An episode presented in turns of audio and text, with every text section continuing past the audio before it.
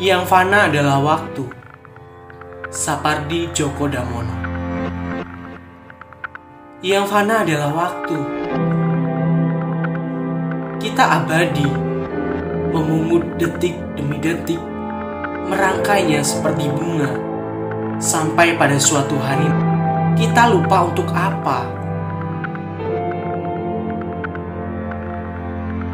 Tapi yang fana adalah waktu, bukan? Tanyamu, kita abadi